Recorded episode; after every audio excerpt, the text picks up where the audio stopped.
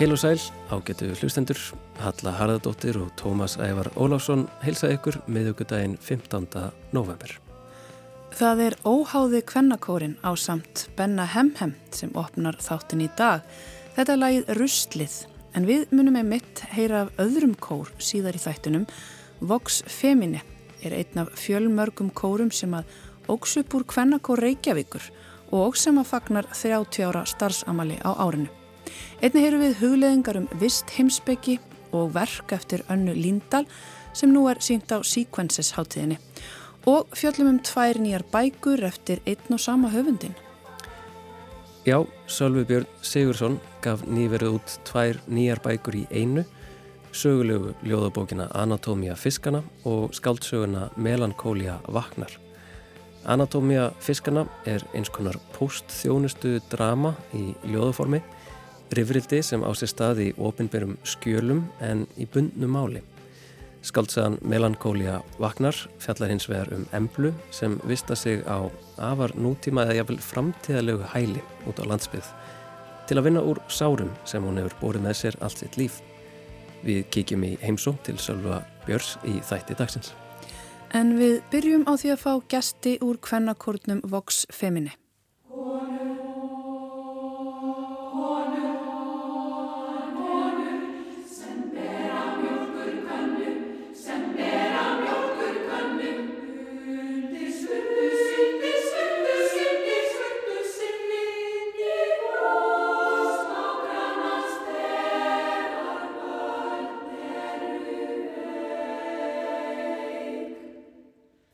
Ár fagnar kvennakórin Vox Femine 30 ára starfsamali og að því tilefni heldur kórin tónleika í Hátegskirkju núna á lögadag 18. november klukkan fjögur og þau eru ynga mætt til mín í Víðsjá, stjórnandi kórsins Stefan Sand og formaður kórsins Þordís Guðmundsdóttir verið velkomin.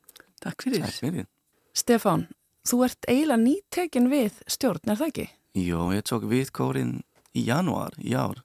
Og, og hvaðan ert að koma? Hefur þú reynslu af því að stýra svona hópi hvenna?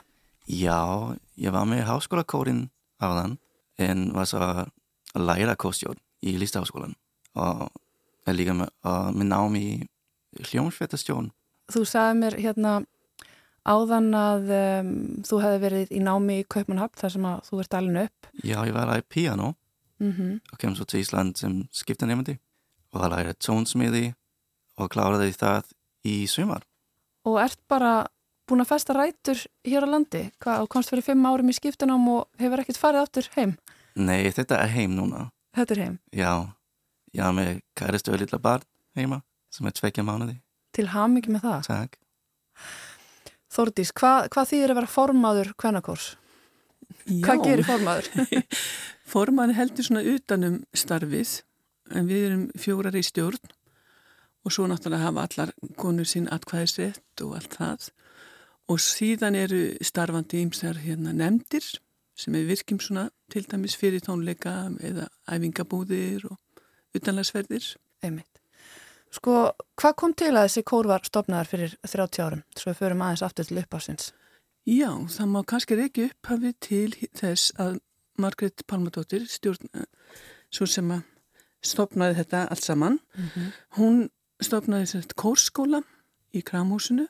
Hún hafði þessu löngun í að fá þennan kvenna hljóm og hafði sjálf valistu fyrir í stúlnakór og sem sett frá þessum kórskóli í Kramhúsinu þá var kvennakór Reykjavíku til og hann var fljótlega sko, öfliri kvennarreyfingu fjöl, Mhm. fjölbreyst tónlistastarfs og það spruttu svona allskins kórar út frá þessu.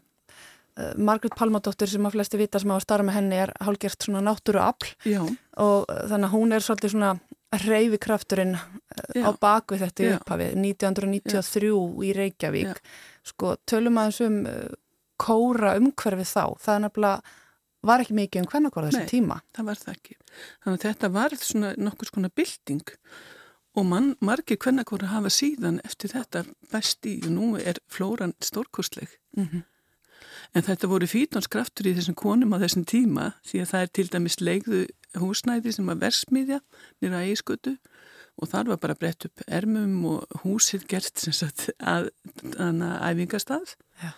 Og ég hef séð myndir og heyrt sögur af því, því litt grettistak. Já. og síðan, uppfra, síðan hefur við náttúrulega flutt svo litið hús til húsi en eru núna í Dómusvoks sönghúsinu þar sem við erum ásand fleiri, og syngjum ásand fleiri kórum. Einmitt, sem er í raun söng, söngskóli. Já. Einmitt. En uh, Vox Femini, þessi kór um, ykkar, hann sprettur sérst úr hvernakór Reykjavíkur, einn ángi hans sem að, mm -hmm. og þetta stopna alltaf fyrir 30 árum. En, en hver er svona sérstaða þessa kórs, Stefán? Hvað myndur þú segja að Vox, hvernig kór er Vox Femini? Þetta er mjög svona kraftur hóp. Það er mjög um, góða reynslu í kórin. Og kórin er búin að syngja saman svo lengi. Mm. Mm. Svo hljómin er mjög, mjög svona þéttur. Já, já. það, já. Það er sérkenni, sérkenni hvers kurs er akkurat hljómurinn og það manni þykir svo vendum að fá að vera veist, í þessu að fá að skapa hljóm með mm. kórstjóra og, og kórkonum. Hvernig tónlist flytur þessi kóri? Gegnum tíðina hafið þið verið að leggja áslaverk eftir konur ekki satt?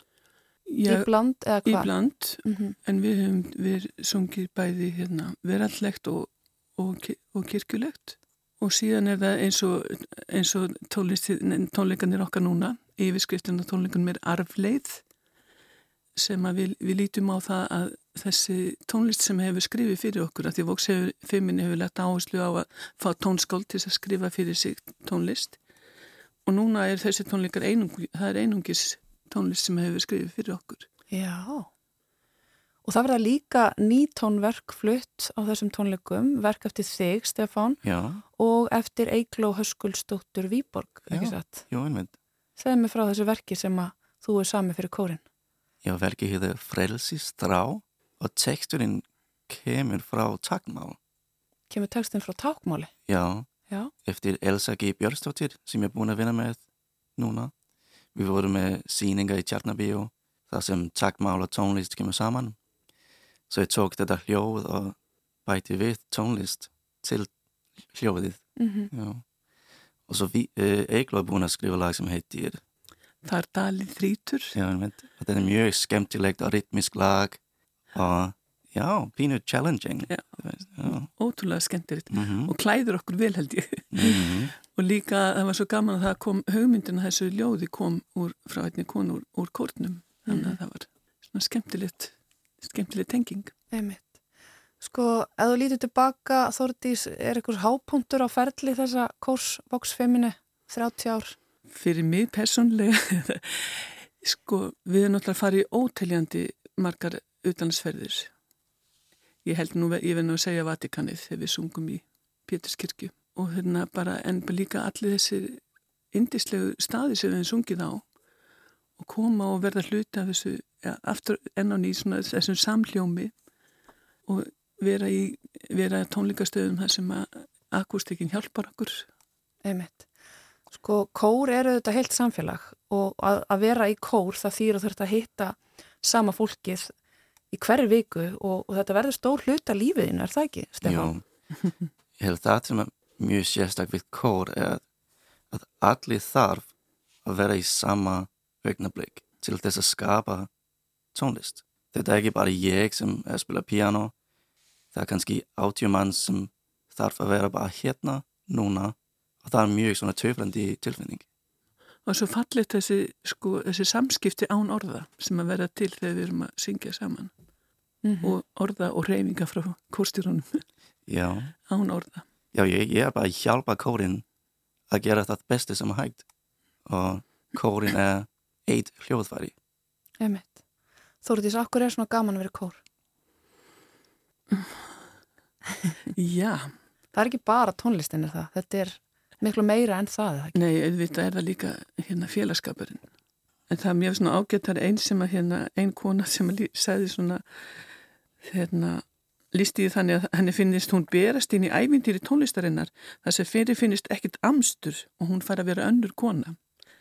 Ég veist þetta mjög mm. fallega orðað. Svona eitthvað frí frá hverstasleikanum. Já, en líka, já, það er þessi samkend og kelliku sem er ríkir með kórkvenna og við fundum þannig sérstaklega í skálholti fannst það ekki Stefán Já, æfingabúðin Já, já. Veist, við að bara koma og það er svo mikið einbeitni við ætlum að gera þetta og við æfum al, alveg allar stundir, Já, eldum matinn saman og greitum aðeins saman og lógum mikið og hefum svo ótrúlega gaman. já þess að stóra hluti af lífið að vera í kór. Já. Já. Já, maður getur alltaf að hugsa sér lífið á þess að vera í kór. Nei, einmitt, það segir þetta margir sem hafa verið kóra, þetta verður bara ómissandi hluti af Já. lífinu. Mm Það er auðvitað eitthvað sérstaklega fallegt við það líka að mann, svona hópur einstaklinga komi saman til að finna eitt hljóm Mm Já, og deila því með Já, fólki. já. Einmitt. Er mikil ásókn, eh, Þórdís, þú náttúrulega þekkir, hefur verið í kórastarfi svo lengi, eh, er alltaf, það er alltaf fólk sem vil verið í kórið, ekki? Jú, en hérna, ég er nú áður sagt að þú veist að það hérna kóri svona lifandi fyrirbæri, konur koma og fara og, og hérna, en við vorum svo hefnar í haust, þá fengum við, fengum við nýjar konur inn. Við auðlýsum eftir konum á, á haustin en það, og það er inntökupróf af því það þarf að við, þú þarfst að hafa nótnalæsi og helst einhverja, einhverja þekkingu í tónlist og, og hafa eftir söng. Mm -hmm. En það er alltaf, það er svona stór, það er svona kjarni í kórnum sem hefur lengi verið. Stefán, Mm. nú ertu, eins og þú sagðir, freka nýtekin við.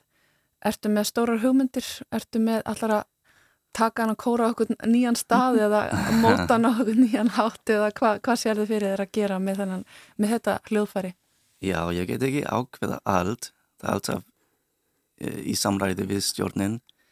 En við erum að syngja með Sinfó í vor. Þetta er mjög spennandi. Mm -hmm. Við erum að taka upp nýja disk, nýja plötu í vor líka. Og það bara nóg að gera.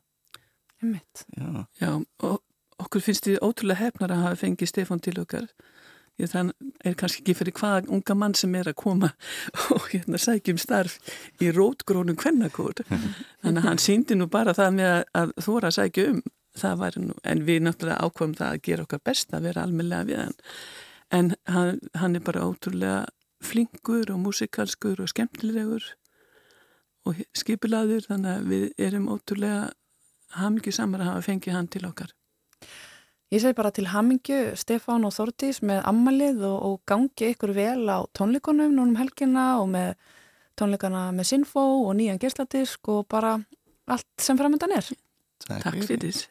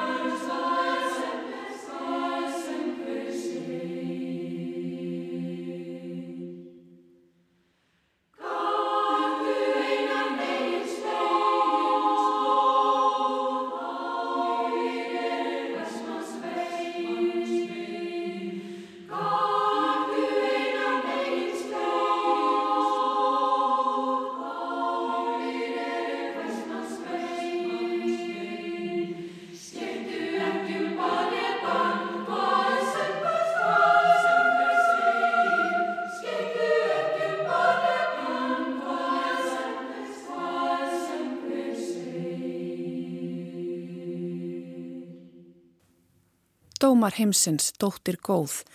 Í flutningi Vox Femine, lag eftir Valger Guðjónsson við texta Jóhannesar úr Köllum. Þá er komið að síðasta pislinum sem unnin er í samstarfi við Sequences listaháttíðina. Dagbjörn Drífa Tollasius og Brynn Nóel Francis taka nú við. Góðan dag, kæru hlustendur. Síðastlinnar vikur höfum við fjallað um listaháttíðina Sequences en í ár var þema sprottiðu frá vistvætni meðvutund og umræðu. Sequences háttíðin skapar rými fyrir ímyndunarafl og gefur okkur færa á að sjá lengra. Þá er verið að velta upp ólíkum leiðum til að sjá og upplifa heimin upp og nýtt og fjarlastu sjónarhótt sem vegum að venjast. Anna Lingdal er einn af þeim listamennum sem sína á Sequences. Verk hennar hafa oftast samfélagslega skýrskotun og beina tengingu við einstaka atbyrði. Hún rannsakar fyrirbæri sem alla jafna eru okkur hulinn til að varpa ljósi á ákveðna heild. Hún leitar spurninga og svara út í náttúrunni og fylgist með störfum vísindamanna á hálendum Íslands og víðar. Með verkum sínum rannsakar hún ringrás og ferli náttúrunar og mismunandi aðferðir manna við að nálgast hana. Mörg verkana hafa tilvísun í fegurði náttúrunar og verndun hennar, en vísa líka í græðgimanniskunar og hnygnun náttúrunar. Verkin minna okkur á að taka eftir náttúrunu og umhverfinu í kring, en um leið að endur skoða afstöðu okkar gagvart henni. Undanfærin ár hafa þættir vísindalega rannsókna og skrásetninga orðið æg fyrirferðameiri í verkum önnu og beinast þau að spurningum um hvernig árakstrar mannlegs og jarfræðilegs tímakvarða byrtast í hlutum og umhverfi. Hún hefur meðal annars unnið að samstagsverkefnum þar sem loftlegsbreytingar eru skoðaðar út frá pólitísku og menningarsögulegu sjónarhortni. Verk önnu á síningunni neðanjarðar í nýlistasafninu ber titulinn kortlagning landnáms örvera neðanjarðar. Það byggir á rannsóknum vísindamanna innan sustain borverkefnisins í Surtsi. Verkið er innblásið af löngun til að kanna umhverfu okkar, löngun til að eiga í samskiptum við aðra líferur sem við deilum jörðinni með og sterkri löngun til að skilja áður ókunna hluti. Í þessu tilfelli er um að ræða samfélag örvera sem nömið hafa land neðanjarðar í Surtsi eigu í Norður Allandshafi sem myndaðist við eldgós í sjó árið 1963. Myndir sem sína örverurnar í lítilli hólu í berginu voru teknar með rafeinda smásjá af síni úr borkjarna. Örverurnar byrtast í verkinu sem þrývítar skúldur og prentverk. Að stækka 50.000 sinnum örlittla örveru þyrpingu neðanjarðar er leið til að framkalla annars ósynlegt fyrirbæri eða það sem við myndum annars aldrei sjá. Útsöma kort sínir þverskurð af Surtsey. Þar kemur meðal annars fram borhólan SE02A þar sem örveru þyrpingin fannst. Til að framkalla verkið byggir Anna á nýjustu teknivísindum en líka henni aldagamalli kvenlægu hefð íslenskra hannirða. Vísindamadurinn kortlegur nýlandsvæði í því augnamiði að kanna og leggja undir sér svæði í formi þekkingar. Listamæðurum fetar svo í spór vísindamannsins þar sem hann fleitur kortlagninguna yfir í útsaum og þannig umbreytist vísindaleg mæling yfir í hannirðir. Hvoru tveggja eru taknrænar aðgerðir, byggðar á umhyggju, nákvæmni og þólinnmaðis vinnu með það markmiði að fanga náttúruna. Umhyggjan fyrir náttúrunni kemur inn á vistfeminísk fræði. Umhyggjan sem hinn móðulega sín Í þessu samhengi hefur vistfeministinn Vandana Shiva bent á að í indveskri menningu séu konur órjómanlegu hluti á náttúrunni sem nærist á kvenleiki náttúrunnar til að framlega líf og að lifa af.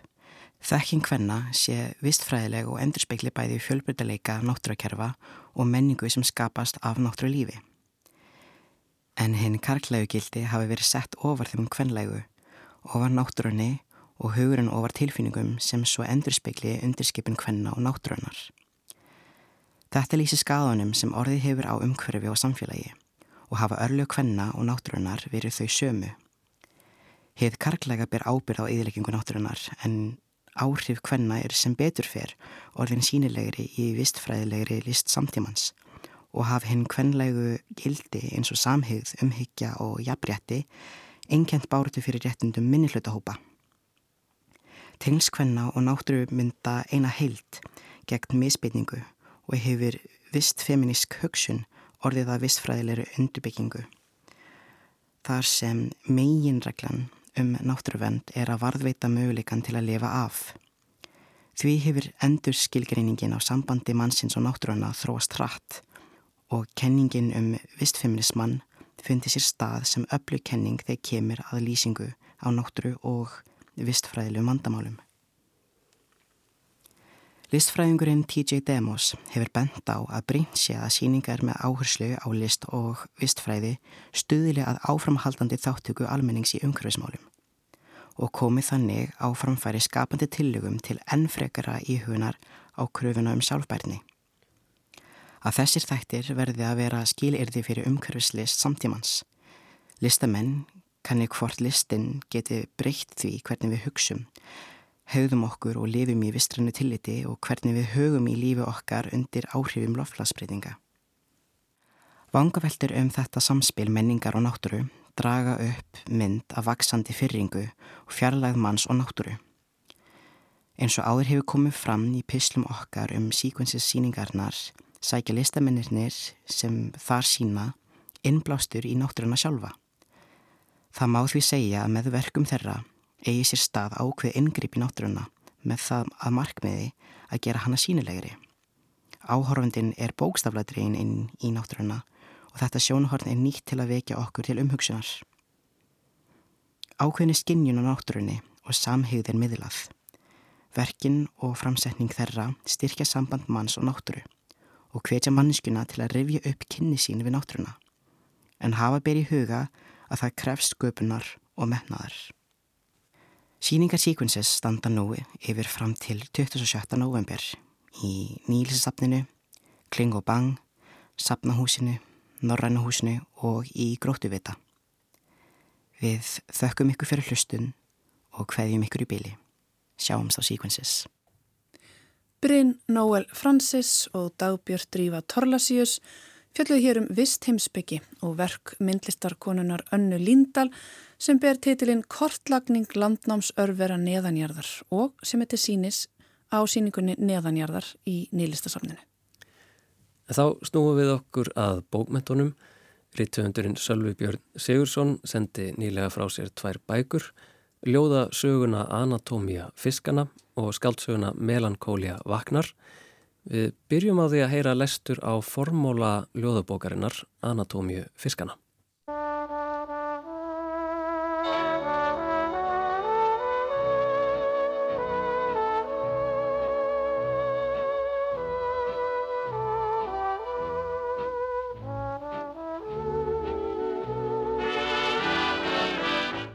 Formáli frá posttjónustunni Vegna flutninga í nýjar höfuðstöðvar hafa eftirfarandi smáauðlisingar sem í riti þessu byrtast ekki borist posttjónustu Reykjavíkur nýja til þeirra mannlífsblada sem ætlað var að byrta þær í.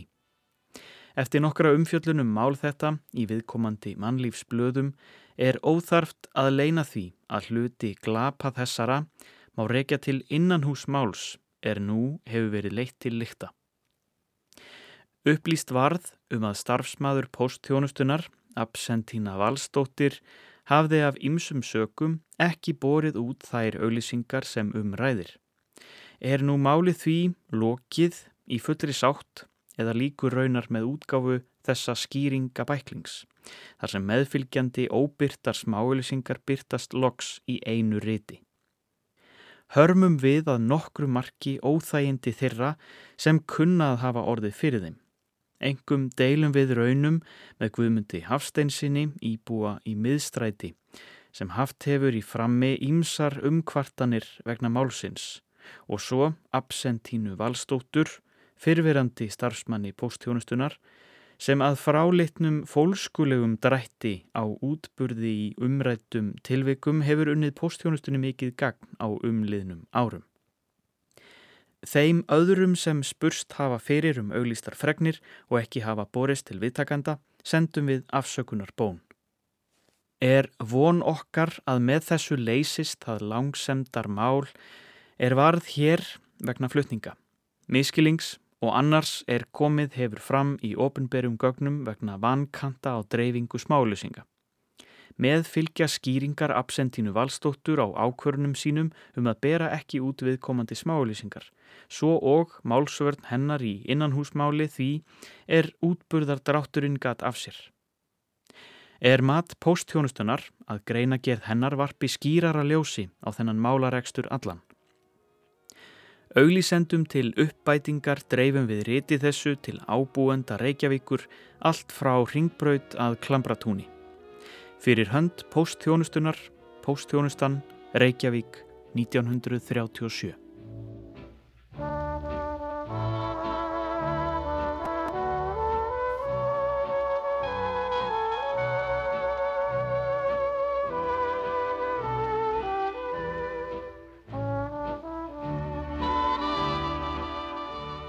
Öldurhúsið glóður augað sem svo er í daglegu tali nefnt hefur laungum verið þekkt á meðal reikvikinga og þá eflaust engum þeirra sem af lagra slekti þykja. Útlaga börn samfélagsins þurfa sér áningarstað líkt og aðrir og er það engum til skammar að leggja þangað leið sína. Slíkt verður að teljast hverjum manni í sjálfsvald sett. Staðurinn dregur napsitt af stimpingum þeim sem réttilega brjótast oftar en ekki út þar þegar áliðið er en þar má einnig finna ágætan félagskapa og góðri mannlífs stundu. Hvers vegna leið mín lág fáinn skipti síðastliðna vordaga á þennan ætlaða ógæfu stað skal ekki fjölrætt um hér. Ég var í för með vinkonu minni sem þá var, stjórnusbyggingnum Bjartelvi Karlsdóttur. Á öldurhúsinu kynntumst við Bjartelfur umrættum Guðmundi Hafsteinsinni, meindýræði og aðtafnamanni og fór vel á með okkur enda GH gert ná að leika þar á alls otti og semja smáauglýsingar fyrir mannlífsblöð morgundagsins. Svo vill til að ég hef um langt skeið sem starfsmæðu postþjónustunar unnið við dreifingu slíkra auglýsinga með því að bera þær út til mannlífsblada og kom það því í minn hlut að færa smáauglýsingar guðmundar til réttra viðtakanda. Kynni þeirra guðmundar og bjartelvar örðu mér þegar að fram í sótti nokkuð óviður kvæmileg enda egnaðist ég ekki vin í guðmundi heldur misti minn eina í bjartelvi. Þó skal tekið fram að aðrar og faglegri ástæður bygguða baki höfnunum mínum á útburði smáuleysinga hans. Líkt og meðfylgjandi skýringar sína fram á bjó hverju sinni rík ástæða að baki ákverðunum mínum og telja raunar að Guðmundur Hafsteinsson megi prísa sig sælan að sá fór smánarlegi ósómi hafi ekki þurft að gína við lesendum smá auglýsinga í íslenskum mannlífsblöðum frá vordögum að hausti 1937. Tel ég skýringar mínar í hverju tilviki fyrir sig tala sínu máli. Hef ég þær sem loka málsvörn mína í málinu og læt ekki fleiri orð um það falla. Vinsanlegast Absentína Valstóttir. Once in a while Will you try to give one little thought to me So someone else may be nearer your heart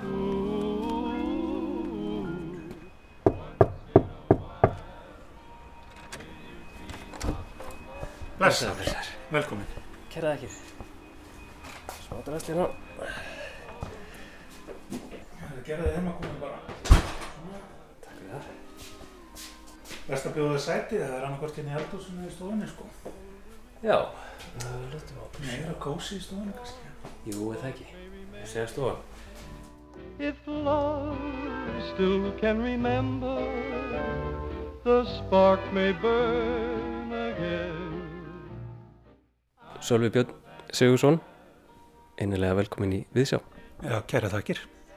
Og þú varst að senda frá þér tvær bækur, eh, skaldsöguna Melankólia Vagnar og Anatómia Fiskana sem er ljóðabók.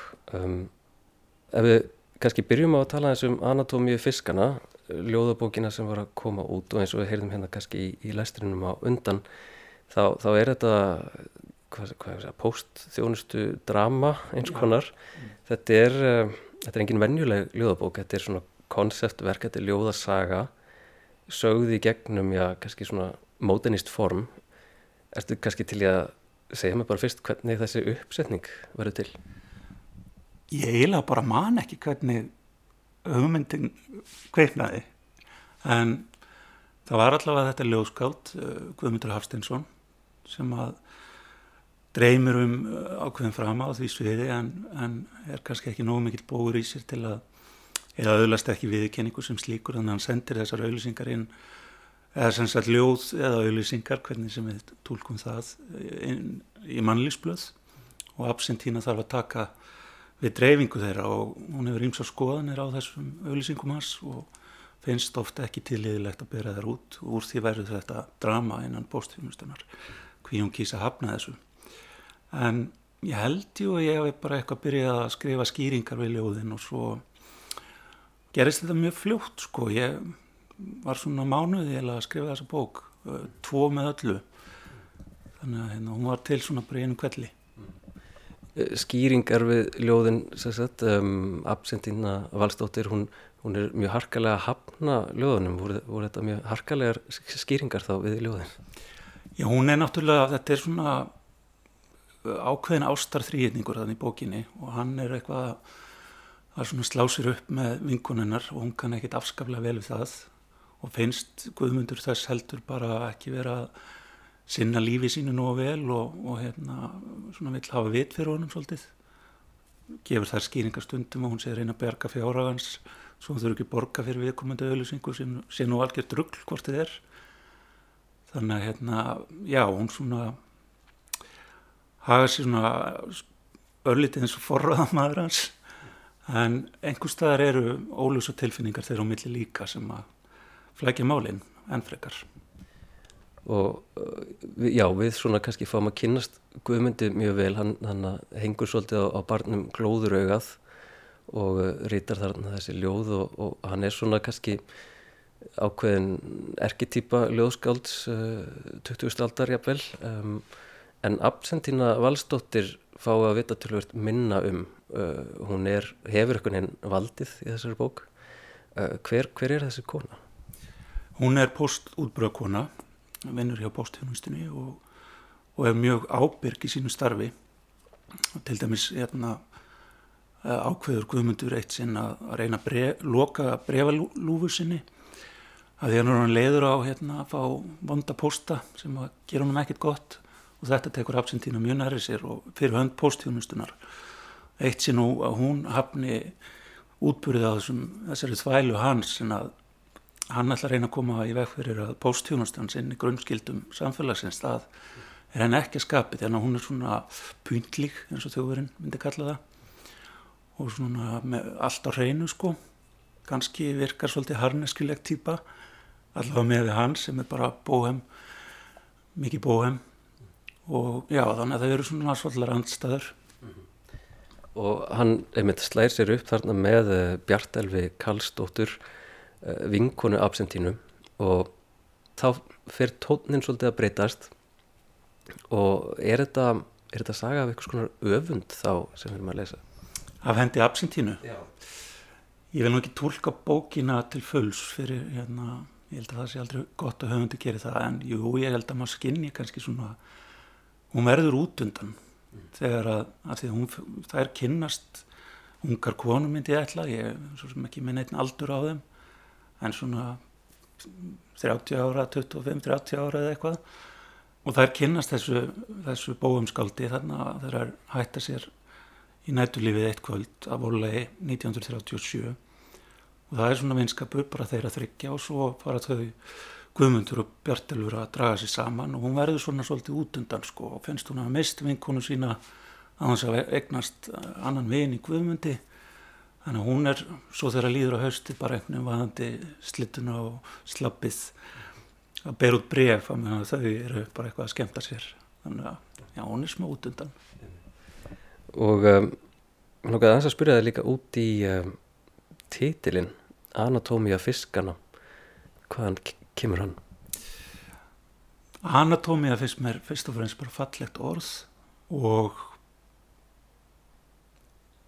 þau eru öll eins og fiskar í krökku þetta fólk í bókinni eða í sikru krökkunni mm -hmm.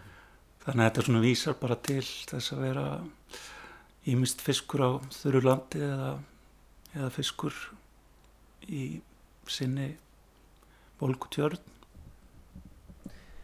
Anatómia er kannski líka eitthvað sem hefur verið þér hugleikið núna síðustu ár. Uh, fyrir tveimur árum kom út skaldsaðan Kópernika og er fyrir það hann Selta sem að fjallaði um, um lækni. Og, og, og þar er mikið rætt uh, anatómia manneskjuna sérstaklega kannski í Koperniku sem að var svona krupningar sagað ykkur leiti og ég fór að velta fyrir mér við lestur og þessari til einu ljóðabók um, og svona hvernig anatómia kemur inn í lokin á þess að í spillinunu kannski en finnst þér kannski einhvern veginn andið manneskunar vera líkamenn? Já, þetta líka, ég menn eins og skálskapur hlýtur náttúrulega líka vera bara einhvers konar anatómisk greining á sálarlífi og uh, já, anatómia er einu orð fyrir mér sem að getur tekist á í kortvekja líkamann og, og, hérna, og sálina eða mannsandan. Lítur á þau sem krupningar mann, sálarinnar? Ég vil nú ekki hérna taka svo stórt til orða. Uh, nei, nei, jú, við erum alltaf að reyna að krifja lífið til merkjar og lífskáttuna með einhverjum hætti. Hérna, hvort okkur tekst að einhver tíma, það er svo bara, er ekki tilraunin svolítið tilgangurinn og markmiðið eilift. Once in a while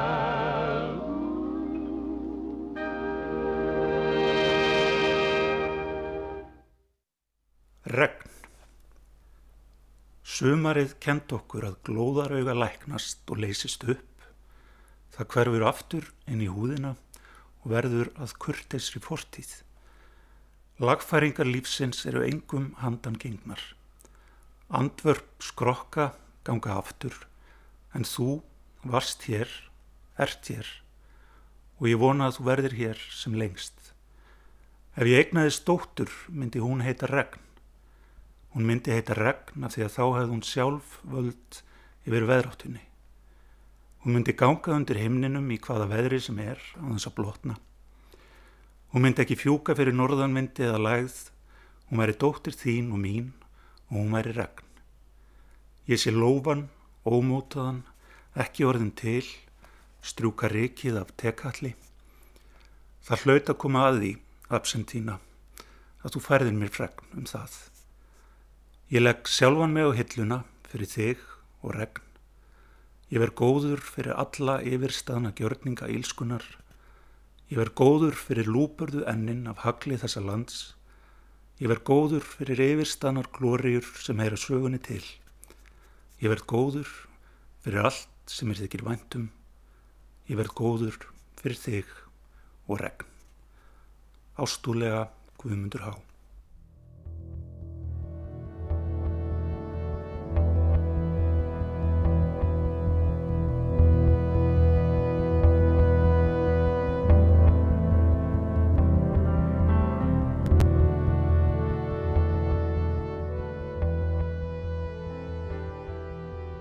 Anatómia fiskana er ekki eina bókin sem þú gefur út þetta árið eins og ég myndist á heldur er skaldsagan Melankólia Vagnar einni komin út hjá Sögur fórlegi.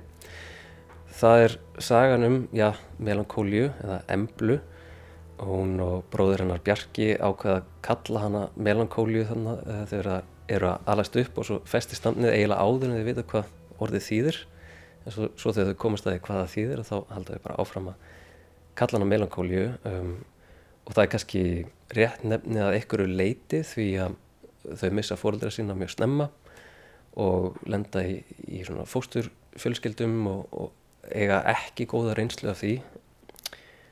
Og þar myndast ákveðin kannski sár sem að fylgjenni til nútímans uh, sár sem hún hefur ekki náða að vinna úr, horfast í augu við almenlega og, uh, og það er kannski verkefni bókarinnar. Hún eigðir þarna drjúum hluta af foreldra arfinum til að vista sinna mjög nútímalegt hæli uh, sem að notast við alls konar tæknilegar aðferðir en það er mjög margt á huldu um þetta tiltekna hæli og uh, við hittum emblu eða melankóliu þarna í fyrsta kaplanum þar sem hún er búin að skrá sig og er að leggja af stað í þetta ferðalag og uh, hvers konar hæli er þetta sem embla leita til?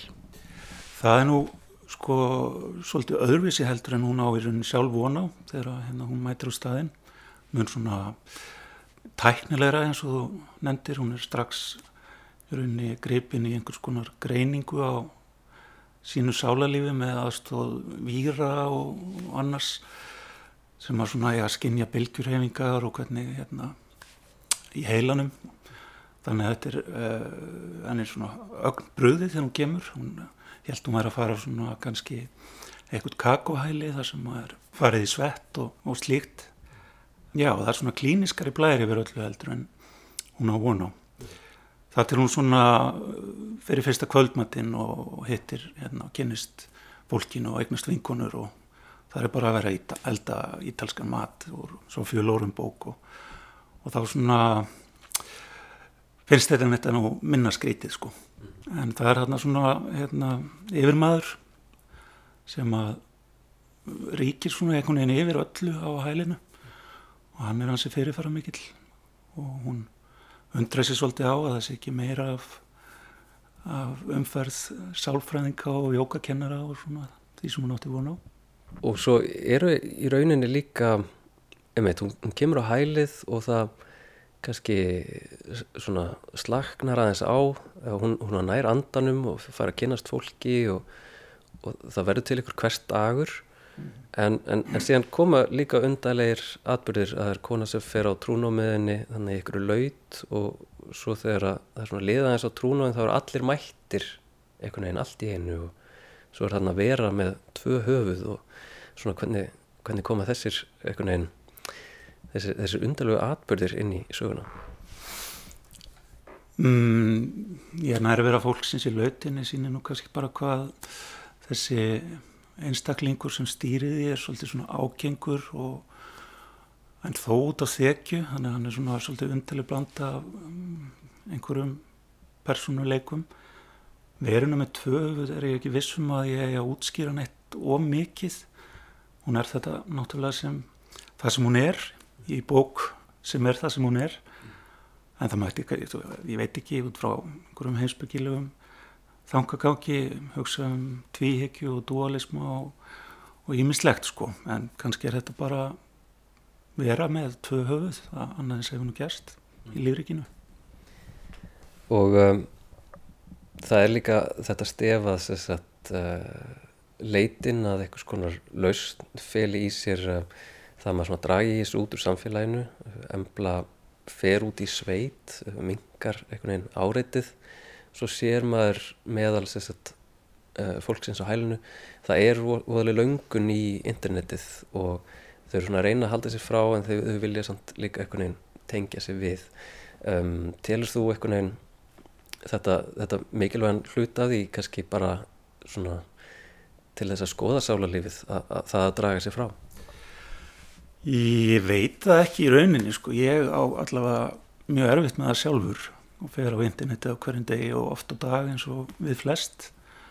En þarna á þessum stað þá er sem sagt eh, internettími skamtaður hvort það er klukkutími á viku eða eitthvað svo les og það er einmitt eitt kapli sem að sýnir hvað hver og einn velur að gera til að nota þennan dýrmætta tíma, þennan auð eh, sem er þessi lífæð að upplýsingum og, og samskiptum við, við samtíman en Ég hef alveg heyrt fólk lýsa því að, að það sé ágætt að minga nefnótkun og ég, mér sem mann eftir því svona þegar kannski interneti var orðið, eða var ekki orðið svona stór hluti af okkar daglega lífi eins og það var svona kringum síðustu aldamót.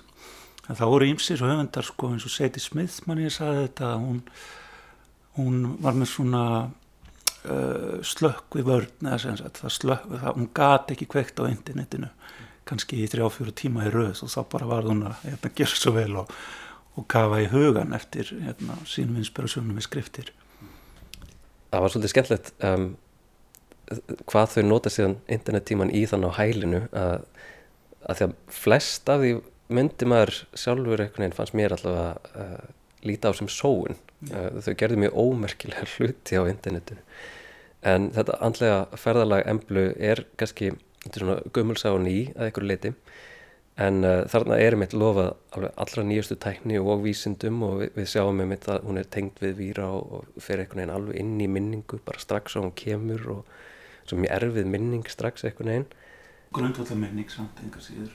Algjör grundvallar minning einmitt og en heldur það svona tæknin sem slík sem, sem við höfum í dag og sem er á yfirborðinu muni hjálpa okkur uh, að leysa úr okkar andlegu flækjum Ég það er bara óða erfitt að dæmi það því að hún náttúrulega, jú, tæknin hjálpar okkur mikið og er orðin bara mikilvæg í, í læknisvísindum og, og sálfræði hérna, þjónust og öðru en að samaskapi þá býr hún örgulega til nýjar flækjur og, og, og hérna, nýjar áskoranir. Ég menna að hún talaði um að hvíði samtíma fólks sé að miklu leiti aukin vegna, vegna samfélagsmiðla og svona þessarar stöðu kröfum að við séum virk öllum stundum. En maður er ekki múin að svara tölvupósti eða Facebook skeit eftir klukkutíma þá hlýtur maður bara vera gósta viðkomandi sko. Það kann ekki vera að maður hafi bara lagt sig eða farið í, í hérna kaffehús og þannig að taka síman með. Þannig að það eru já þetta er bara það eru kostur og gallar við alla framþróun og hérna hvort að hvar við endum það er bara ómögulegt að segja fyrst mér.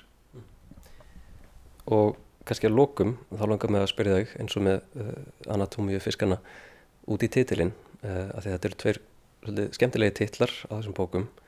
Melankólia vaknar eða Embla vaknar uh, þýðir hann þá kannski. Um, já það vísa til að þess að hún sé að vakna og svo er ákveðin fletta í bókinu sem ég vil ekki segja frá sem gerist hann undir lokin en langast að spyrja já svona hvaðan kemur titillinn og, og finnst þér embla hafa vaknað í bókinni eitthvað staðar? Já, mér finnst hún vakna á þess að ég vilja greina nánum frá því en það er svona allavega mín tilfinning titillin bara eins og hérna emblu og bjarga þá finnst mér orðið melankólia bara mjög fallegt. En mér finnst það ekki mér finnst það kannski of svona almennt eða flatt ef ég bara notaði eitt og sér. Og svo komið sagan um hana og, hérna, og þessa vegferð sko. þannig að það einhvern veginn þegar hitt orðið bætist við þá fannst mér titillin mættur. Get ég plattaði örlítin lestur? Úr bókinni? Já, já, hefur ekki reyna að finna eitthvað. En uh, við kannski ljúkum á því. Um, Sölvi Björn Sigursson Takk kærlega fyrir spjallið. Já, takk bara kærlega fyrir mig